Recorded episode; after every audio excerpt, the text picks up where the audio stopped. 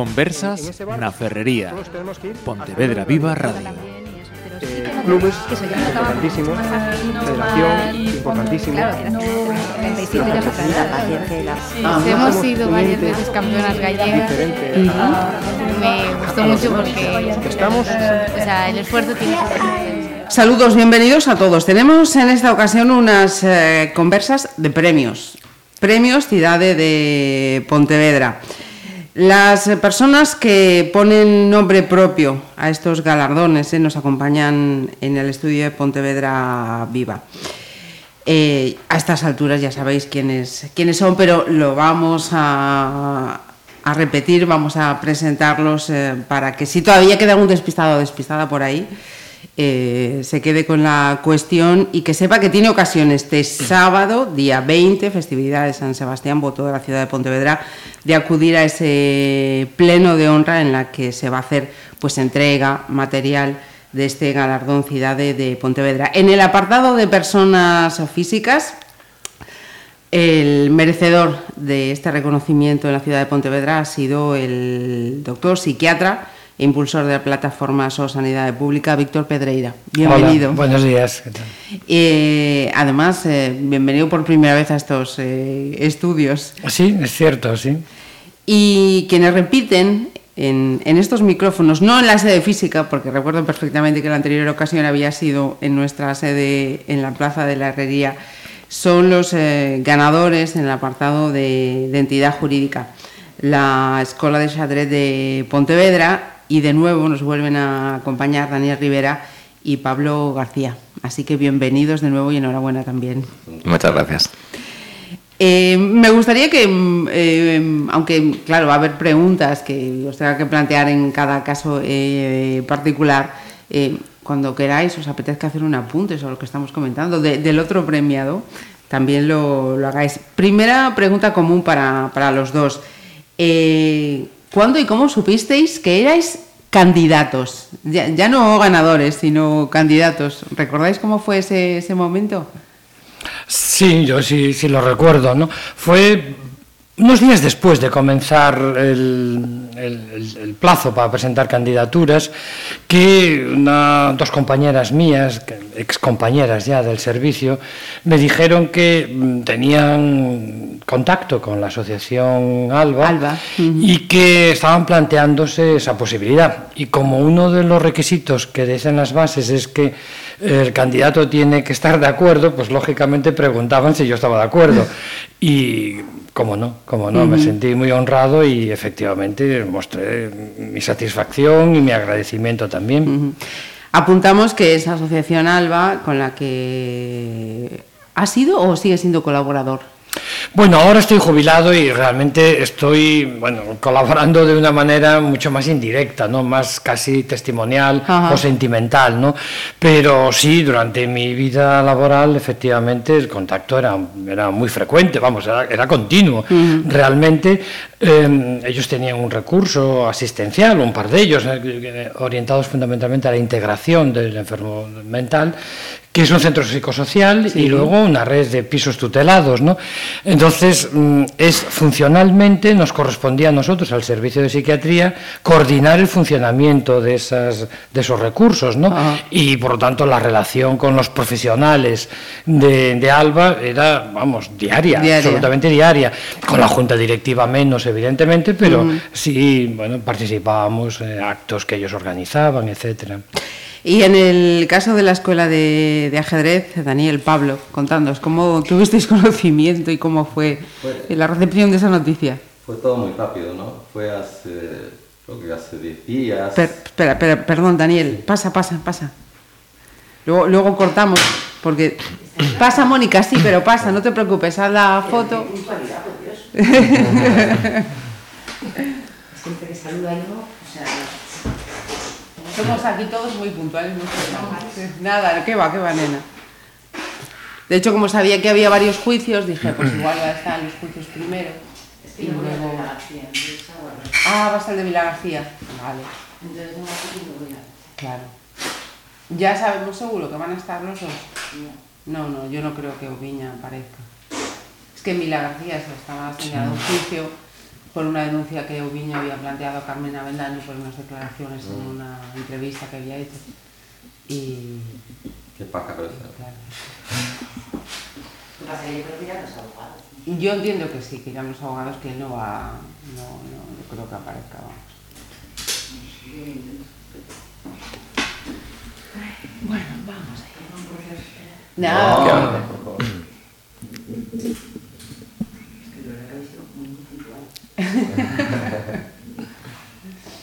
pues si me miráis un segundo.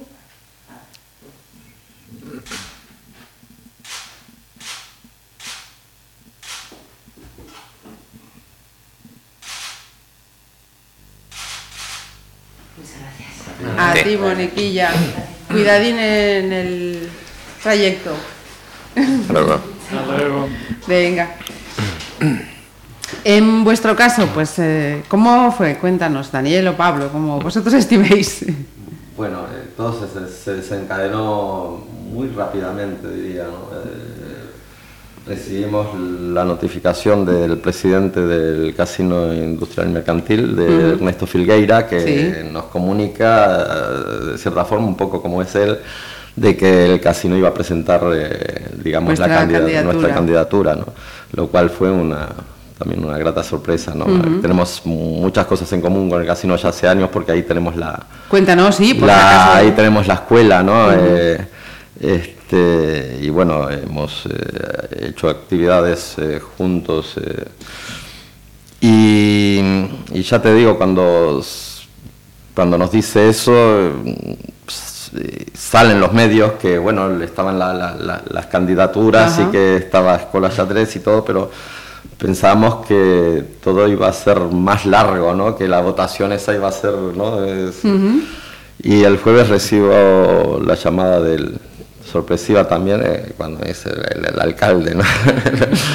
y que, que, sí, que había terminado el pleno y que por unanimidad, eh, aparte del doctor, el jurado había decidido, este había decidido eh, bueno, que fuerais vosotros. Que fuéramos nosotros. ¿no? Es algo de que, que que fue como, bueno, que todavía lo estamos asimilando, digiriendo, porque es un reconocimiento para nosotros eh, muy importante que, que, aparte la escuela de xadrez eh, no, no, somos cuatro ni cinco, son aglutina muchísima, Eso os quería pedir, ¿no? Aprovechando este, este, reconocimiento, vamos a, a, conoceros un poquito mejor. ¿Nos repasáis, por favor, eso? ¿Cuándo surge? ¿Quiénes sois? ¿Cómo planteáis?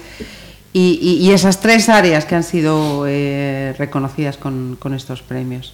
Bueno, pues en, en, 2001 es una iniciativa que surge un poco de, gente que éramos del, entre comillas, del mundo profesional del ajedrez y decidimos pues lanzar algo en una ciudad que nos había acogido y que siempre había apoyado pues nuestra, nuestra competición a, nivel como, como, deportistas, ¿no? Entonces queríamos dejar algo y que creciese aquí una, una semillita de nuestro trabajo, ¿no? Entonces empezamos en, orientados a lo que era el aspecto deportivo y la verdad es que es muy fácil, siempre lo decimos, yo creo que el ajedrez, la, la versatilidad, versatilidad que tiene... Eh, empezar a promocionar eh, lo que ahora creo que nos ha convertido un poco en el referente, que es en el aspecto educativo y principalmente la, acción social. Entonces, yo siempre lo veo como que aglutinamos un poco esas inquietudes de, la ciudadanía eh, a nivel pues, en el educativo.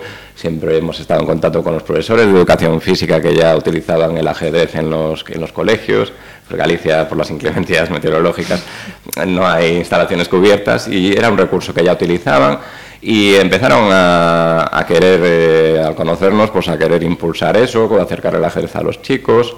Entonces de ahí empezaron los movimientos, ya luego trabajamos con la Universidad de Vigo en profesionalizar un poquito más el aspecto educativo eh, y quiero creer que somos un poco también los responsables de que al final se haya aprobado la introducción de la asignatura de ajedrez. en el Parlamento gallego lo aprobó hace dos años como asignatura optativa en secundaria y como herramienta en, primaria.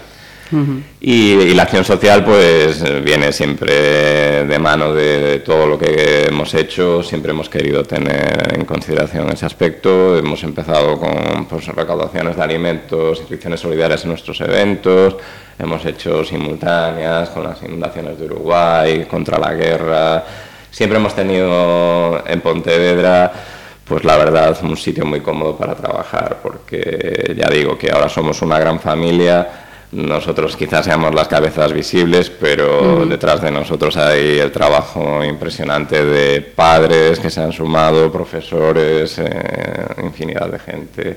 y, por eso la, gran satisfacción. Eh. En el momento que fuimos conocedores del premio, eh, ha sido un boom en, las redes, eh, como nos llegaban los mensajes de nos, nos han dado el premio, nos han dado el premio, y lo veíamos como una felicidad colectiva. Entonces, estamos súper satisfechos. Eh, Víctor, sí, sí. Sí, no, yo querría hacerles una pregunta casi un poco de curiosidad profesional, ¿no? Uno lo intuye, pero no sé exactamente qué, qué teoría puede sostenerlo, qué práctica, ¿no? Me refiero a ¿En qué aspectos consideráis que es importante la práctica del ajedrez pues en el desarrollo, por ejemplo, educativo de un crío? ¿no? ¿En qué aspectos?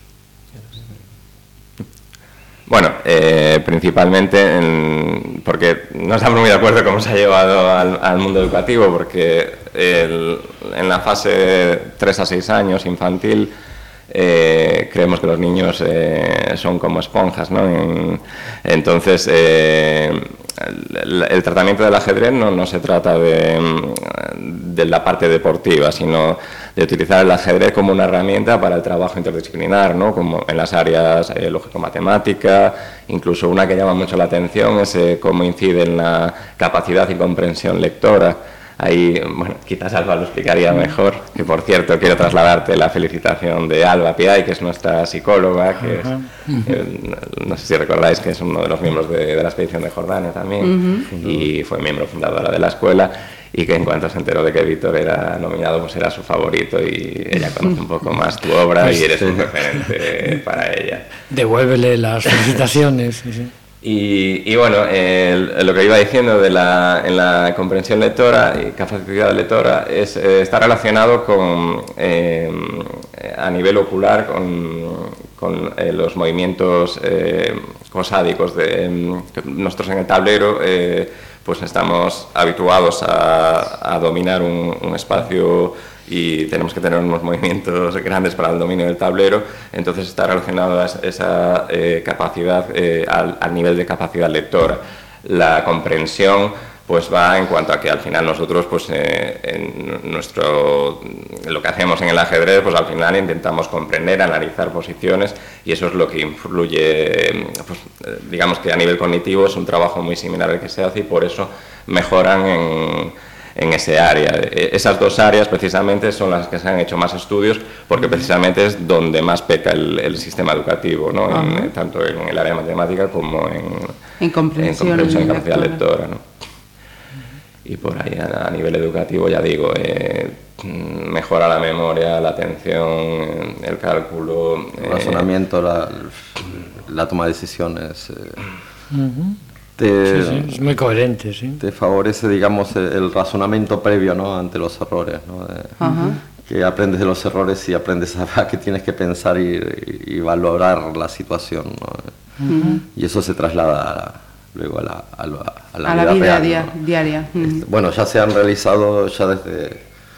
Mm, el, el, estudio, quizás uno de los estudios científicos más famosos fue en Rusia en 1923, que cuando científicos han, han, expuesto que el ajedrez eh, tenía tantas virtudes que ahí ya lo, lo potenciaron. ¿no? a lo, que es después Rusia fue una potencia a nivel mundial y siguen siendo, ¿no?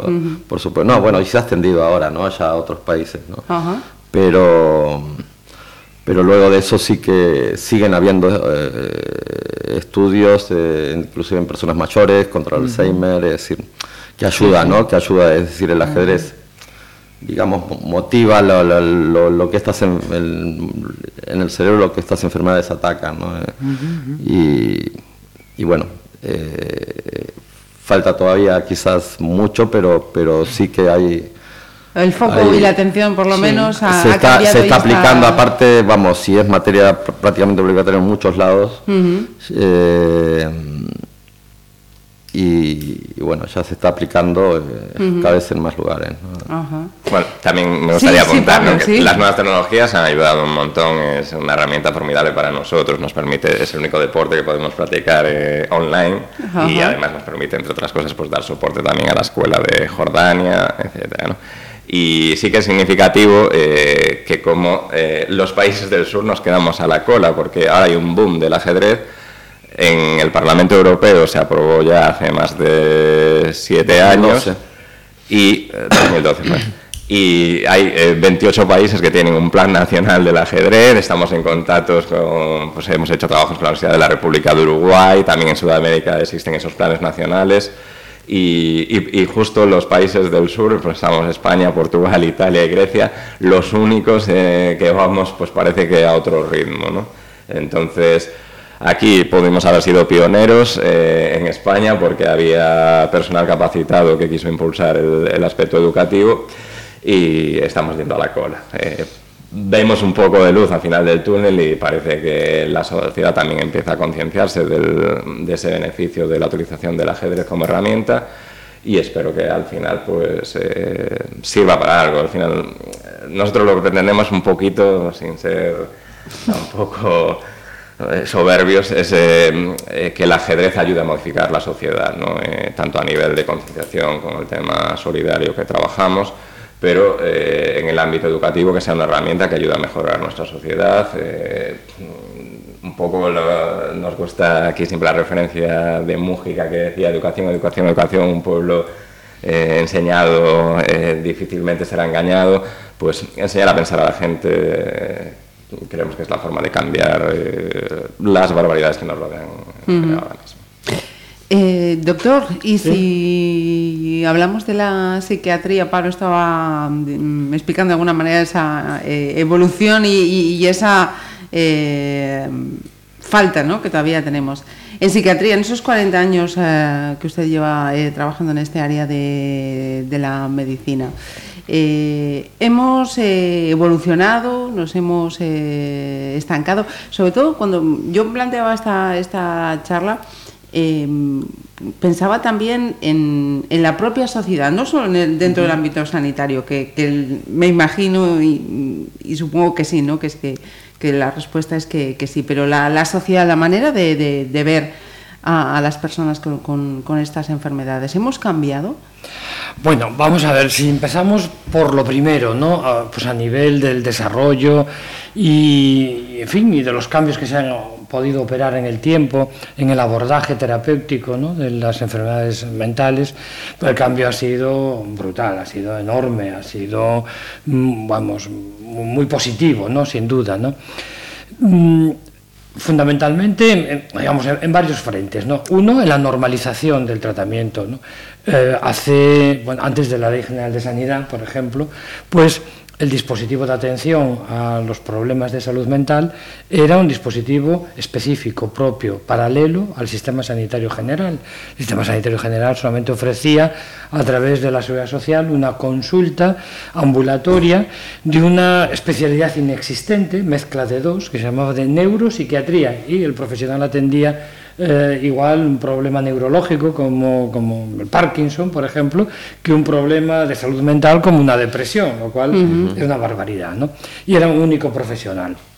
El resto de la atención se ofrecía fundamentalmente a través de las diputaciones provinciales y sobre todo a nivel de hospitalización en un lugar específico, monográfico, que era el hospital psiquiátrico, históricamente el manicomio. Con lo cual la marginación era absoluta, no, solo del enfermo, sino también hasta de los profesionales que trabajábamos, trabajábamos en, otra estructura distinta, en otra red asistencial.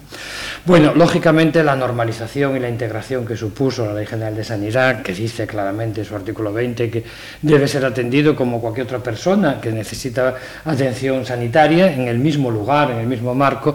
Eso permitió que mm, la Seguridad Social, el Sistema Nacional de Salud, aceptase integrar a esta atención pues, en igualdad de condiciones ¿no? y ocupando los mismos espacios. Hoy las hospitalizaciones psiquiátricas se realizan en el Hospital General, el mismo lugar donde se hospitalizan las señoras que van a dar a luz o un traumatizado que, tiene que... Que, se da un golpe. Eh, que se da un golpe, exactamente en el mismo lugar. Lógicamente, servicios distintos, pero el marco es el mismo, aunque lógicamente cada servicio tiene que ser diseñado en función de sus necesidades específicas. ¿no? Es evidente que una UCI no tiene el mismo la misma estructura y el mismo funcionamiento pues que, que, una sala de pediatría. Pues tampoco una sala de psiquiatría tiene exactamente la misma eh, configuración, pero tiene que, lógicamente, dar respuesta a sus necesidades específicas, pero en el mismo lugar, sin ningún tipo de marginación. Ese es uno de los aspectos en los que más eh, se ha avanzado. El otro es en la configuración del equipo multidisciplinar. Hasta entonces, los profesionales que nos ocupábamos de la atención psiquiátrica básicamente éramos psiquiatras, ¿no? y, algún personal de enfermería, titulado, o sea, por ejemplo, diplomados en enfermería, pocos, muy pocos, la mayor parte era personal auxiliar. Y en algún lugar, pues algún terapeuta ocupacional, así, perdido, etcétera, ¿no? Bueno, lógicamente, pues a lo largo del tiempo, en la medida también que se entiende que la propia enfermedad mental, pues en su génesis y en su evolución eh, intervienen distintos tipos de factores biológicos, psicológicos y sociales, esto ha hecho que también a la hora de ofrecer una, alternativa terapéutica se tenga en cuenta pues, a los profesionales de esas disciplinas. Y ahora en los equipos de salud mental trabajan codo a codo psiquiatras, psicólogos, trabajadores sociales, personal de enfermería, terapeutas ocupacionales, etcétera, ¿no? Con lo cual pues, tiene una visión mucho más amplia, mucho más integral de la, de la enfermedad y y, del abordaje terapéutico. ¿no? Esto en cuanto a la, digamos, los avances en el ámbito específico sanitario. ¿no? A nivel social, pues mm, también se han hecho avances. Es evidente que en la medida que se ocupan esos mismos lugares, la gente se habitúa y ya ve como normal que un hospital general pues haya un, servicio de psiquiatría y es, normal encontrarse pacientes por los pasillos, ¿no?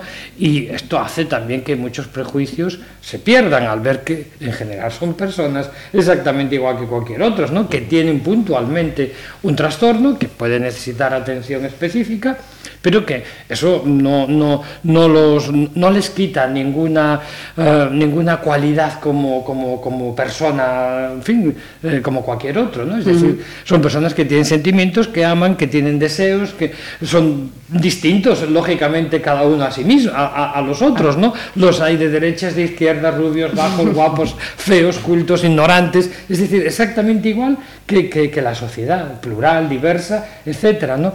No les da ningún ninguna característica específica el hecho de tener una enfermedad no los hace diferentes a los demás. Pero bueno, aún así es cierto que, que, todavía el peso del prejuicio y del estigma está ahí, ¿no? Y muchos de los programas que, que pretendemos llevar a cabo y fundamentalmente en relación con, con, las asociaciones de familiares y amigos y de afectados también. Empezamos ya a trabajar también con los propios afectados en, en primera persona y no siempre como con los familiares, sino que ellos también son sujetos de derecho, ¿no? con los que también hay que, que, que, que trabajar y también hay que conocer cuáles son sus, eh, sus deseos, sus, expectativas y sus preferencias incluso a la hora de diseñar un tratamiento. No, uh -huh. no se puede utilizar el paternalismo histórico, eh, que el profesional o a veces la familia, pues ya saben todo lo que necesita eh, el propio paciente. ¿no? El paciente hay que devolverle la palabra, hay que contar también con él. ¿no? Y bueno, todavía en ese aspecto nos queda mucho, mm, por, por supuesto, seguir mucho, mucho por seguir. Sí. Mm. Eh, sí, Daniel, no, por queda favor. mucho, pero yo recuerdo bueno que hasta hace poco la realidad era completamente distinta, ¿no? Uh -huh. Que era el manicomio ahí era, Sí. vamos, eh, Sí, sí. decían a todo el mundo y prácticamente había muy poca atención y muy poco progreso, ¿no? Pero, eh, ¿no? Sí, sí, sí, por supuesto, por supuesto. Eh, Estaba antes escuchándoos y, y- y, bueno, por supuesto con toda la atención del mundo, pero siempre, lógicamente, tengo La cabeza. tengo la cabeza en donde la tengo, ¿no? En donde la tuve 40 años, que estoy jubilado, pero Sí. no, no retirado, no retirado, de tal manera que sigue ocupando mi interés y, y mi atención y en ocasiones incluso, bueno, pues directamente mi implicación, ¿no? Pero estaba yo pensando, que cosa más interesante, Alba, eh, mm, eh, la escuela de ajedrez ¿Habéis pensado en, establecer algún contacto con la Asociación ALBA para ver si es posible algún proyecto de, de colaboración con los usuarios de... No, pero estaríamos encantados, ¿no? Ah, pues me parece una idea genial, ¿eh? Me parece una idea bueno, genial. desde aquí ya, pues mira, ya, ya sale y, y, cuenta con, mm. contar con Escola, ¿no? que por supuesto, aparte con con vuestra profesión creo pues, que podemos ojalá que este se compartido sirva para, para que surja algo beneficioso para, para, ambas partes una historia sí, común que sí, ¿no? eh, que sí por supuesto pues pensaríamos vamos que, que el ajedrez estamos vamos convencidos y estoy que que, que, es un aporte, ¿no? Que mejora, ¿no? Capacidades y todo, y sobre todo en, en, este aspecto, ¿no? Que, que vamos... Eh, sin duda, ¿eh? eh solo pues que estamos agradecidos de, que, de que pudiéramos hacer, digamos... Sí, sí algo conjunto. Algo Como en Casablanca, ¿no? Que sea sí, sí. Una hermosa relación. Sí, sí, ojalá, ojalá que sí. Eh, yo quería preguntar también a Pablo, con permiso, Víctor, a Pablo y a Daniel, ¿cómo está en estos momentos esa escuela de Jordania y, y, y Siria? Pues eh, nos pillas en, en pleno apogeo de, de papeleos y de, de planificación. Estamos ahora preparando una tercera inmersión ya en el campo que se va a realizar a final de marzo. Y, bueno, eh, el, año pasado la diferencia es que habíamos trabajado ya con UNICEF, eh, el primer año fue exclusivamente con ANUR y UNICEF pues eh, se encarga de la escolarización de, los chicos, entonces pues lo tienen todo más estructurado pues en cuanto a cursos, los grupos y es un sistema entre comillas más occidental ya de enseñanza entonces, precisamente fue cuando planteamos la opción de utilizar el ajedrez como recurso educativo y es a lo que vamos a dirigirnos, eh, va a ser la principal misión de, este año mantener la formación del profesorado que iniciamos eh, con el personal de UNICEF y los propios refugiados. Estamos elaborando unos materiales didácticos que tenemos aún eh, la traducción al árabe, que es lo más conflictivo que subsanar. Y, la verdad que muy ilusionados porque la respuesta es magnífica. La gente, bueno, palabras textuales del representante de UNICEF que estaban como motos en el Innovation Lab, que es donde estaban trabajando. Y, deseosos de, bueno, también se establecen unos vínculos afectivos y pues hay gente que quiere que volvamos. Hay una frase que me quedó de aquella charla que tuvimos en mayo de 2016 y es que mm, cuando vais ahí, decíais, recuerdo, lo primero que necesitan eh, es dignidad, ¿no? ¿Cómo, está esa dignidad a, enero de 2018? ¿Cómo los veis? Es un pueblo que decimos es desheredado y olvidado y cada vez más, ¿no? Eh, allí sí tienen apoyo en un desierto, en este campo, ¿no? Que es uno de los más modernos quizás, ¿no? Eh, pero en condiciones también, digamos... Todavía siguen precarias. Precarias, ¿no? Pero completamente, ¿no? Eh, y tú ves eh, también otros puntos ¿no? que, que, que, no solo no los apoyan, sino que los, vamos, los gasean y los, no, no, no los dejan pasar fronteras, están en pleno invierno la foto, por ejemplo, del niño este cuando apareció, no, fue un... Mazazo. Digamos, claro, fue una repercusión a nivel mundial, ¿no? De lo que está pasando y eso, pero esa foto sucede todos los días, lamentablemente, ¿no? Las pateras y eso, y de repente pensamos que, que, digamos, los medios poderosos eh, quieren tapar todo eso, ¿no? Eh, bueno, eh, entonces de, este curruncho que, que, bueno, sí, es nuestro granito de arena eh, que por toda esta gente que, que tiene esta, bueno, también tendría que por, que por nosotros no sea, ¿no? Intentar hacer, aunque sirva para muy poco, ¿no? Evidentemente, ¿no? Yo, creo que sirve para mucho, mucho. Doctor, eh, yo, le comentaba antes al doctor Pedreira, eh, yo no sé si sería capaz, hay que tener una, pasta especial ¿no? para eh, estar en esa situación y, tener ese, ese peso, ¿no? la, cabeza en su sitio para, para estar ahí haciendo lo que, lo que están haciendo ellos. Ah, sí, sin duda. Lo que pasa que sí que yo creo que es importantísimo todo lo que se haga por intentar normalizar aspectos de la vida en una situación tan anormal como es la de un campo de refugiados, ¿no? porque realmente mm, de, normal en principio no tiene nada. Vivir confinados en, unas condiciones a veces muy difíciles, incluso inhumanas, pues es, es terriblemente anormal, debe entenderse como anormal. ¿no? Pero intentar incluir... Eh, formas de comportamiento, de conducta, de actividad, etcétera, que, que tengan mm, pues eso, eh, aspectos de normalidad, yo creo que es, fundamental, es muy meritorio y, yo creo que tiene que, que, que, ejercer un efecto terapéutico, yo creo también, ¿no? En la gente. Es que precisamente, eh, bueno, primero ya decir que para nosotros también nos ha transformado a nosotros a nivel personal y eh, en el, el, ajedrez siempre lo hemos visto al principio, lo veíamos desde la perspectiva deportiva, luego sí que trabajamos la línea educativa pero cuando nos involucramos en este proyecto y surgió la idea de es ajedrez terapéutico, podría ser ajedrez terapéutico, eh, digamos que eh, no sabíamos eh, a ciencia cierta si, a lo mejor estamos utilizando, dándole unas capacidades que no las tenía, pero bueno, aparte de que Alma nos, abrió bien la explicación de la transformación que estábamos realizando, eh, yo lo resumo en dos experiencias. Eh, en, el trabajo en el campo, cuando llegamos eh, y nos encontramos, por ejemplo, el caso de una persona a la que le percibes en el rostro el, sufrimiento que, lleva a sus espaldas, llega a nuestra actividad, se pone a nuestro lado, al principio no participaba y curiosamente sabía jugar al ajedrez. Al cabo de un rato se anima a unirse a una de las partidas y bueno, lo que contaba yo la, anécdota, ¿no? Que pues en el ajedrez a veces hay cosas divertidas, de parece que gana una captura, pero luego hay una recaptura y se produce un, momento gracioso dentro del ajedrez y esa persona acaba con una sonrisa en, nuestra actividad, o sea, una persona eh, que venía que mm, cuando la veías nos daba un, poco un escalofrío, ¿no? Esa, esa, fue una situación que me marcó. Y luego, una fase también que consideramos importantísima es la, el trabajo que hacemos aquí de sensibilización con los niños principalmente y ver a un niño que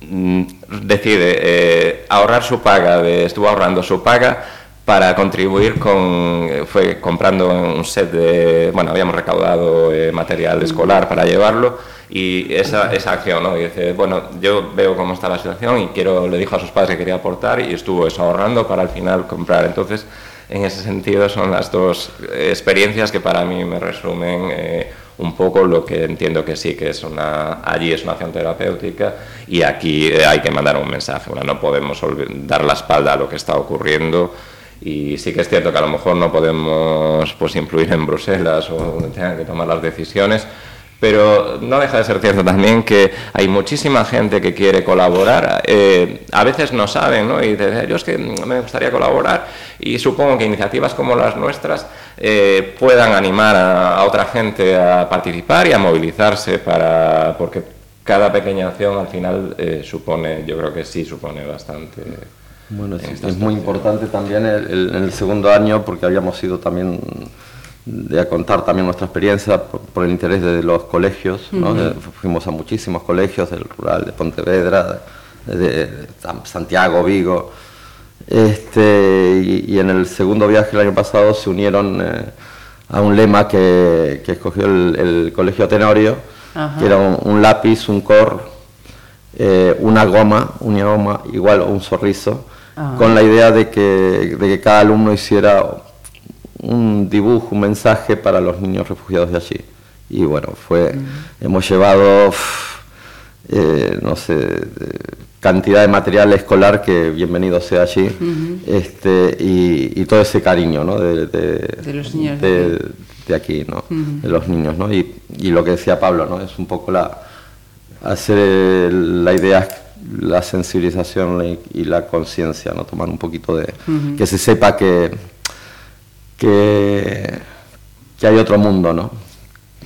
Y hay otros niños que, Mm, que no están viviendo la realidad que, que, estamos viviendo aquí, que es muy diferente. Eh, ambas eh, partes creo que, que, quedan deberes por hacer de aquí al sábado, ¿no? Y me imagino que, que de, de, eso que se diga o que vais a decir el sábado han salido aquí algunas pinceladas. Ya, ya está claro cómo, cómo va a ir ese, ese guion, esos momentos de, de intervención. bueno, por mi parte, más o menos las ideas de las directrices sí las tengo pensadas, no, no las pasé todavía a papel, pero bueno, esa será la tarea pues entre hoy y mañana, evidentemente, no habrá que hacerlo. De todas maneras, bueno, el, el, tiempo es limitado y tampoco creo que se puedan decir grandes cosas, ¿no? Pero sí que me gustaría eh, que sirviese para algo también, ¿no? Uh -huh. Los discursos, ¿no? Para adquirir compromisos, por ejemplo, de futuro. Uh -huh. Daniel, Pablo, también compartís esa máxima de, de Víctor. Que por se supuesto. adquieran compromisos en, por supuesto, con esas. Es lo importante, ¿no? Sí, que las palabras no queden en el tintero, ¿no?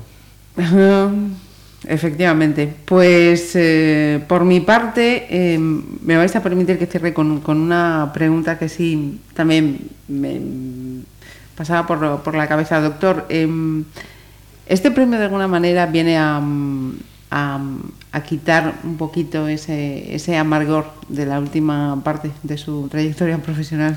Sí, claramente sí, mucho. Uh -huh. Es un bálsamo. Para uh -huh. mí lo es. Para uh -huh. mi espíritu ha sido muy terapéutico también. sí, sí, sí. Pues eh, me, alegro que la respuesta sea, sea esa. Yo quiero agradeceros eh, sinceramente que hayáis eh, accedido a tener esta charla con vosotros, trasladaros las, las felicitaciones y que ojalá dos cosas. Uno, efectivamente, esas palabras se conviertan en, compromisos y esos compromisos en, hechos y que esa posibilidad que se ha comentado aquí hoy de colaboración sea también otro otro hecho a, a materializarse uh -huh. en este en este 2017 iba a decir todavía me cuesta decir 2018 pues eh, Daniel, Pablo y Víctor, muchísimas eh, gracias y que viváis con mucha intensidad esa jornada del día 20. Pues gracias a vosotros por habernos dado también esta oportunidad. Como siempre, gracias. Muchas gracias. Conversas na Ferrería. Pontevedra Viva Radio.